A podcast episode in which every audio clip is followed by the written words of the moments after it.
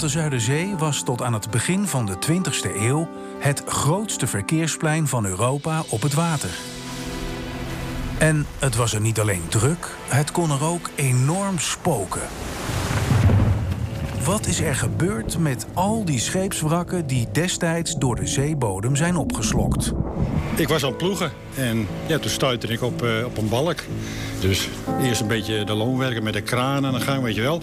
Maar toen zeiden we, jeetje, hier is meer aan de hand. Ja, dit is de trailer van de nieuwe podcast Het Wrakke Water... over verhalen achter scheepswrakken uit de provincie Flevoland. Het grootste, grootste scheepskerkhof op land ter wereld. Maar liefst 450 scheepswrakken zijn daar in de klei gevonden... en maker Jon Hille lichtte samen met maritiem archeoloog Yves van Popta... een aantal verhalen uit voor de podcast. Jon Hille is hier, welkom. Ja, dankjewel. Goeie, goedemorgen. Um, ja, waarom hebben jullie op uh, Flevoland gericht? Nou ja, Flevoland is, uh, heeft gewoon een hele rijke maritieme geschiedenis. Omdat natuurlijk vroeger de Zuiderzee daar uh, ja, heeft bestaan. En um, je, je meldde al dat er echt honderden, bijna 500 wrakken destijds uh, door de jaren zijn gevonden.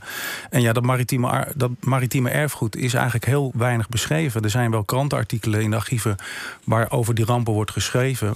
Maar wat er verder met de opvarenden en, en of de overlevenden is gebeurd, ja, daar is eigenlijk heel weinig over gedocumenteerd. En daar wilde ik graag uh, mee verdiepen. Maar help ons even, want we denken altijd bij scheepswrakken, tenminste denk ik altijd, dan, dat is de oudheid, dat is 17e eeuw. Dat is lang geleden, daar vinden we alles over de Gouden Eeuw. Maar hier gaat het om scheepswrakken uit eind 19e, begin 20e eeuw, geloof ik. Het gaat echt om een ander, ander iets. Ja, het is, het is echt van, van de recentere datum. En dat maakt het ook zo eh, in die zin interessant... Uh, dat daar nog nabestaanden tweede, derde, vierde generatie inmiddels zijn, die daarover uh, actieve, dan wel via overlevering, uh, herinnering aan hebben. Ja, en die mensen zijn, uh, die zijn steeds moeilijker te vinden. Ik bedoel, het is toevallig vandaag uh, precies op de kop af... om uh, twee minuten over één vanmiddag, 90 jaar geleden... werd de afsluitdijk gedicht. Dus toen was de Zuiderzee officieel, zeg maar, klaar. Was, was, ja, kwam, er kwam een eind aan, dat werd het IJsselmeer. Dus ja, dat is 90 jaar geleden vandaag. Dus je kan je voorstellen dat, dat mensen die daar nog herinneringen aan hebben... van, van, van, van herinneringen van vader op moeder... of van, vanuit de familie ja, dat die mensen er steeds, eigenlijk steeds uh, minder zijn. Uh, dat is natuurlijk allemaal door overlevering is dat aan elkaar doorverteld. Uh, en ja, daar wilde ik graag nog kijken of ik daar zoveel mogelijk over, over naar, naar boven kon brengen. En kun je een voorbeeld geven van één verhaal dat je geraakt heeft? Ja, nou dat is eigenlijk dat is het, het verhaal wat me eigenlijk het meest geraakt heeft. dat is het verhaal van het schip De Hoop van eh, schipper Geert Dinkla. Uh, die is op 20 eh, april 1909 vertrokken uit Kampen met een lading grind. En um, ja, die is op de Zuiderzee is die, in de problemen gekomen.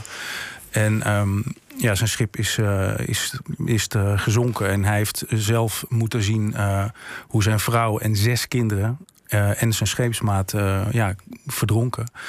Um, en hij is later hertrouwd. Uh, hij heeft een zoon gekregen daar uit het tweede huwelijk. En die heeft weer een dochter gekregen. Um, ja, en die heb ik dus uiteindelijk weten te vinden. En dat was gewoon heel bijzonder. Want die vrouw die, uh, die heeft die schip nog... Ze was toen bijna vijf jaar dat hij overleed. Dus ik had zoiets van, nou, het zal mij benieuwen. Maar ze had toch nog actieve herinneringen aan hem. Hoe hij nog grapjes maakte. En eigenlijk een hele vrolijke, lieve man was. En ja, dus, uh, dus ja, daarmee werd dat verhaal eigenlijk ineens heel levend. Uh, meer dan alleen maar een krantartikel waarin hij zei van oh, oh uh, dat hij zo verdrietig was over dat hij zijn hele gezin verloren was. En wat zegt zo'n ramp nou over, over de tijd waarin die ramp plaatsvond? Heb je daar, geef je daar ook context bij? Ja, zeker. Want wat je gewoon, wat je gewoon steeds meer voelt en, en, en ook merkt als je je daarin verdiept, is dat Kijk, kijk de, de schippers of de vissersschepen, die, uh, de vissers, uh, die hadden gewoon een visschip en die hadden een land aan de wal. Maar de vrachtschepen en de beurtschepen, die, dus die vaste trajecten voerden met, met, met ook passagiers, maar ook met, uh, met vracht en met vee. Um, ja, die, die hadden hun hele hebben en houden zeg maar, op het water. Want ze leefden ook aan boord. Dus als die uh, schipbreuk leden, dan waren ze alles kwijt.